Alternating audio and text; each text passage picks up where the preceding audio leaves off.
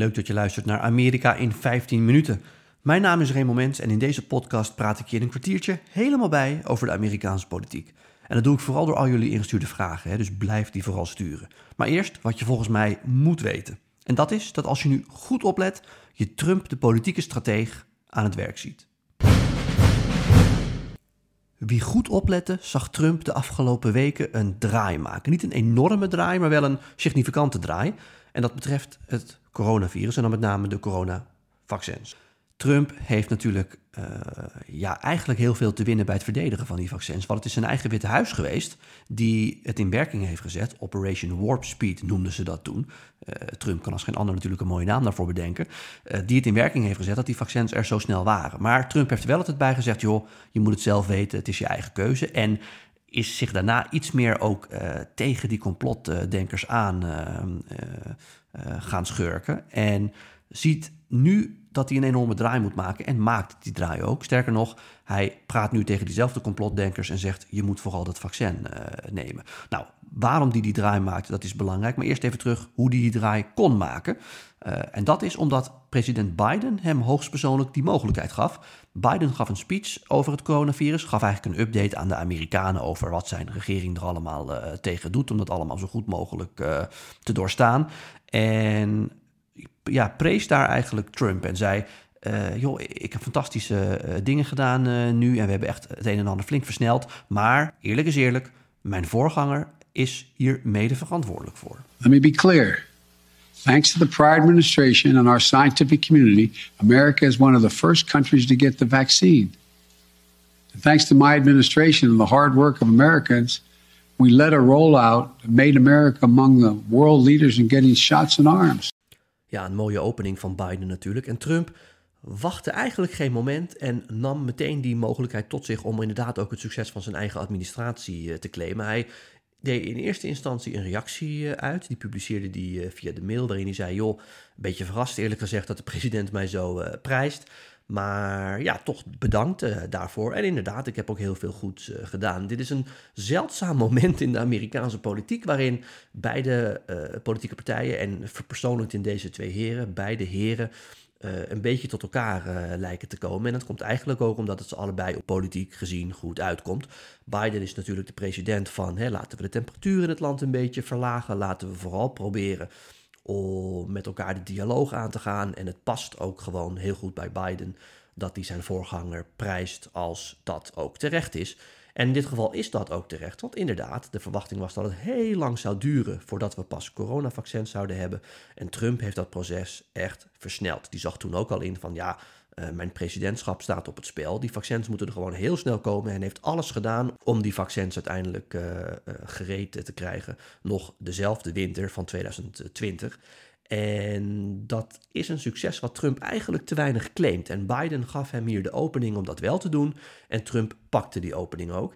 En dat deed hij bijvoorbeeld al meteen in een interview met een conservatief medium. waarin de presentatrice duidelijk niet zoveel van die vaccins moet hebben. Maar Trump toch terugslaat en zegt van, nou moet je luisteren, die vaccins, die helpen gewoon.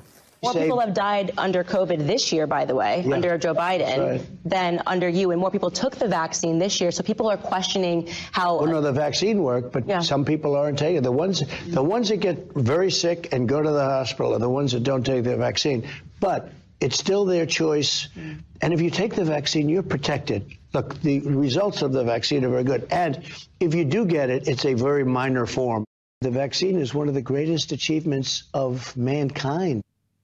Ja, hier zie je dat Trump zich niet meer op die groep complotdenkers richt, maar op de groep kiezers in het midden die ja, verkiezingen bepalen.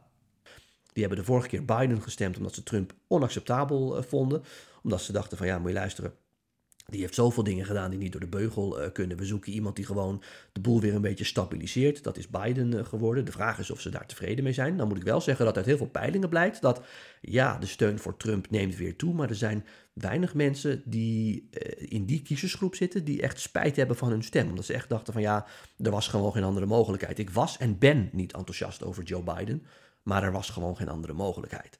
Nou, Trump wil die kleine groep kiezers terugwinnen. En maakt hier de politieke calculatie dat al die extreme complotgroepen die uh, tegen het coronavaccin strijden, dat, ja, die helpen hem uh, misschien in de krochten van het internet, maar in het grote politieke spel helpen ze hem niet.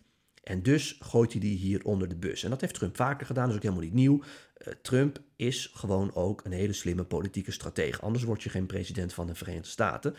En Trump heeft hier de calculatie gemaakt: ik ben sterker zonder deze groep dan met die groep. En ik ben bij de groep kiezers in het politieke midden van de Verenigde Staten, die steeds kleiner wordt, maar die er wel nog steeds is en ook heel erg belangrijk nog steeds is. Voor die groep ja, moet ik um, dat coronavaccin omarmen en laat ik het dan ook maar meteen goed doen. En laat ik dan ook maar meteen uh, claimen dat het dankzij mij is dat het zo'n groot succes is. En daarmee gaat hij dus volledig in op de uitnodiging van, van Biden uh, om dat succes uh, te claimen. Maar dat doet hij dus vooral net trouwens als Biden, omdat het hem politiek goed uitkomt. Waarom is dat belangrijk? Omdat het laat zien dat Trump in 2024 weer met de verkiezingen mee gaat doen. Goed, tot zover mijn kijk op de actuele Amerikaanse ontwikkelingen.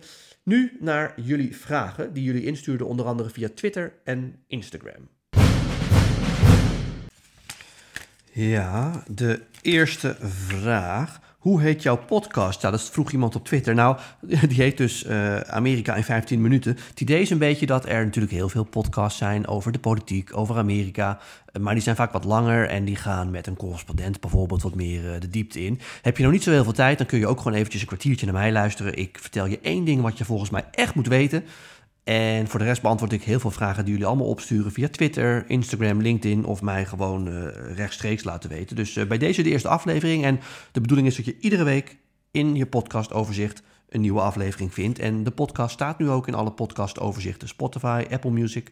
Dus uh, ik hoop dat je ook abonneert en stuur het vooral ook even door naar vrienden. Wordt enorm gewaardeerd. Dan, welke rechtszaak gaat ervoor zorgen dat Trump achter de tralies belandt, if any? Nou, dat laatste is belangrijk, if any, want ik denk dat er uiteindelijk geen enkele rechtszaak is die ervoor gaat zorgen dat Trump achter de tralies uh, belandt. Heel eerlijk, uh, het zijn hele leven uh, wordt Trump al achtervolgd door rechtszaken. Toen hij vastgoedmagnaat was, maar ook toen hij in de media met allerlei programma's actief was. Kijk, je moet je niet vergeten, als vastgoedmagnaat in New York zeker in de jaren tachtig, ja, dan bevind je je wel een beetje in een soort maffiawereld.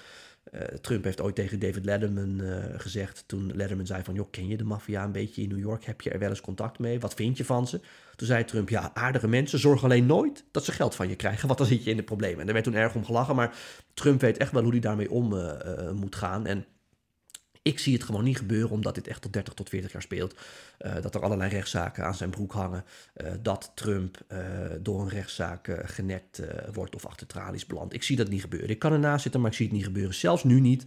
Nu de stakes natuurlijk een stuk higher zijn. Nu het echt om het landsbelangen gaat. Ik zie dat niet gebeuren. Mensen om Trump heen misschien, maar Trump zelf niet. Is Trump echt aan het overdenken om zich verkiesbaar te stellen? Nou ja, dat denk ik dus wel. Zie ook mijn openingsverhaal.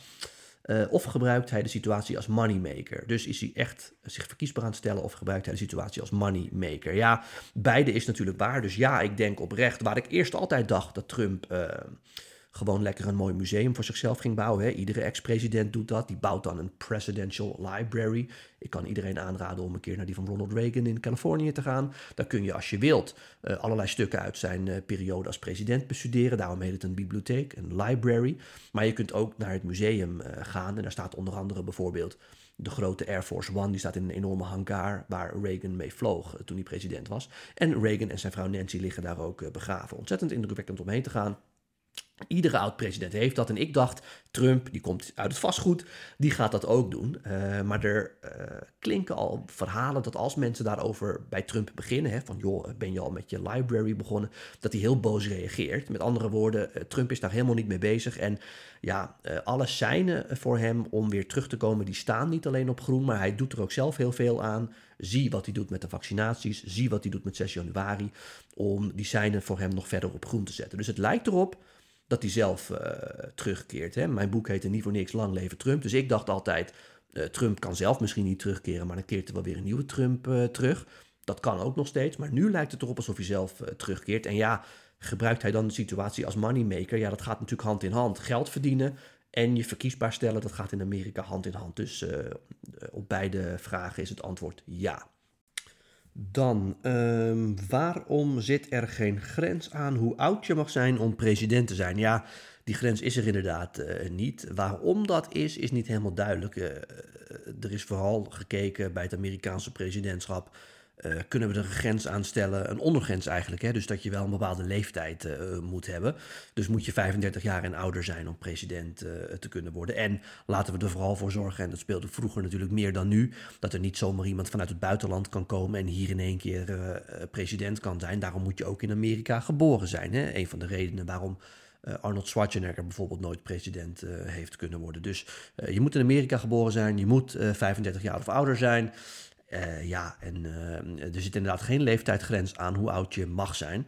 En dus is Biden, als hij weer mee gaat doen, zometeen uh, ja, in de 80 dik. En Trump net aan 80 of bijna 80. Dus nou goed, ervan uitgaande dat Trump en Biden het natuurlijk weer tegen elkaar kunnen opnemen. Want vergis je niet, en dat moet ik er maar even bij zeggen, want we focussen ons nu weer hè, door de vraag op de leeftijd.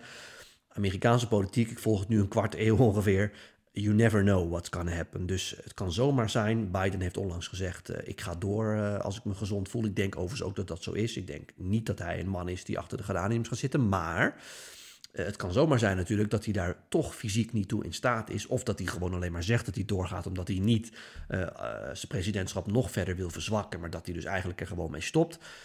En dan komen er gewoon nieuwe democratische voorverkiezingen. En dan moeten daar allerlei kandidaten gaan proberen om presidentkandidaat uh, te worden. Dat hoeft helemaal niet de vicepresidentskandidaat Kamala Harris te zijn. Dat kan iedereen zijn. Denk ook aan uh, transportminister Pete Buttigieg of iemand anders. Ja, het kan natuurlijk in theorie ook zo zijn dat Trump uiteindelijk toch besluit van... joh, uh, ik vind het allemaal prima, ik doe het niet. Of dat Trump ook uh, ja, lichamelijk er niet toe in staat is. Of dat Trump meedoet en toch verliest. Ja, de kansen zijn klein, maar het kan allemaal wel. Dus wat ik maar wil zeggen is, we focussen ons nu weer op de leeftijd. je kunt niet uitsluiten dat er in 2024 twee hele jonge, onbekende Amerikanen tegenover elkaar staan. Dat iedereen met elkaar denkt, Biden, Trump, wie? Dus sluit dat niet uit. Um, als Trump niet meedoet aan de verkiezingen, wie doet er dan mee namens de Republikeinen? Ja, dat is dan weer een klein Trumpje, uh, denk ik. Grote kanshebber is Ron DeSantis, de gouverneur van Florida. Wordt nu het meest genoemd als mogelijke running mate van Trump. Dat geeft meteen ook aan dat uh, de kans heel groot is dat Trump zelf uh, mee gaat doen. Want alle grote kanshebbers worden eigenlijk genoemd als running mate van Trump. Um, wat we wel weten is dat er een aantal Republikeinen die zijn die eh, mee willen doen, uh, maar die niet op de hand van Trump zijn. En daarom weten we ook dat we, dat weten we nu ook al dat zij uh, mee willen doen aan de verkiezingen. Neem Chris Christie, de oud-gouverneur van Florida, adviseur en vriend van Trump, alleen zijn een beetje gebrouilleerd geraakt de afgelopen maanden. Een van de redenen daarvan was dat Christie tijdens een bezoek aan Trump of na een bezoek aan Trump het coronavirus kreeg. Christie is ontzettend zwaar, dus heeft flink wat overgewicht en kwam daar mee in het ziekenhuis te liggen. En uh, toen Trump hem belde, scheen Trump gevraagd te hebben van... joh, je gaat toch niet zeggen dat je het van mij hebt gehad, hè? In plaats van te vragen, hey Chris, hoe is het met je? Uh, bovendien heeft Chris Christie altijd gezegd... die verkiezingen in 2020 zijn eerlijk verlopen. Trump, je hebt verloren en geef dat dan ook toe.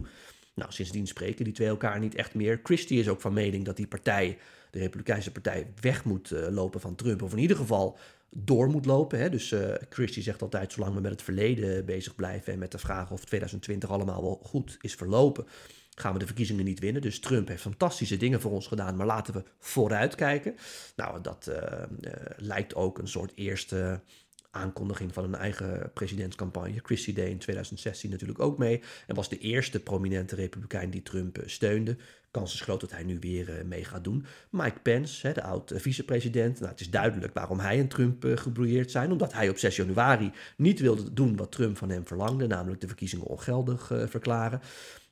Die lijkt ook aan de verkiezingen mee te doen. Dus de kandidaten die eigenlijk warm lopen, dat zijn kandidaten die het tegen Trump op willen nemen. En omdat Trump natuurlijk uh, geen zittend president meer is, moet hij ook gewoon aan de voorverkiezingen meedoen. Met andere woorden, we krijgen voorverkiezingen, republikeinse voorverkiezingen in verschillende staten, met ook gewoon weer republikeinse presidentsdebatten. Dus daar kunnen de democraten, oh sorry, daar kunnen de kandidaten het ook uh, met elkaar gaan uitvechten. Nou, en de kandidaten die eigenlijk uh, na Trump het meest populair zijn, neem bijvoorbeeld Ron DeSantis, de gouverneur van Florida, ja, die lijken allemaal te wachten Totdat duidelijk is wat Trump uh, gaat doen. En de meesten zeggen dat ook letterlijk. Hè, van nou, ik, uh, ik zou best een keer president willen worden. Maar eerst maar eens weten wat Trump gaat doen. En ook dat is een politieke calculatie van hun. Zij weten, ik heb die Trump-stemmers nodig. En die maak ik alleen maar heel erg boos als ik Trump voor de voeten ga lopen. Ja, tot zover. Het kwartier zit er alweer op. Uh, volgende week een nieuwe aflevering in je overzicht. En natuurlijk ga ik daarover weer vragen beantwoorden. Dus heb je nou een vraag, stuur die dan vooral op. Kan op allerlei manieren, Twitter, Instagram. En dan ga ik die volgende week behandelen. Tot zover. Tot volgende week.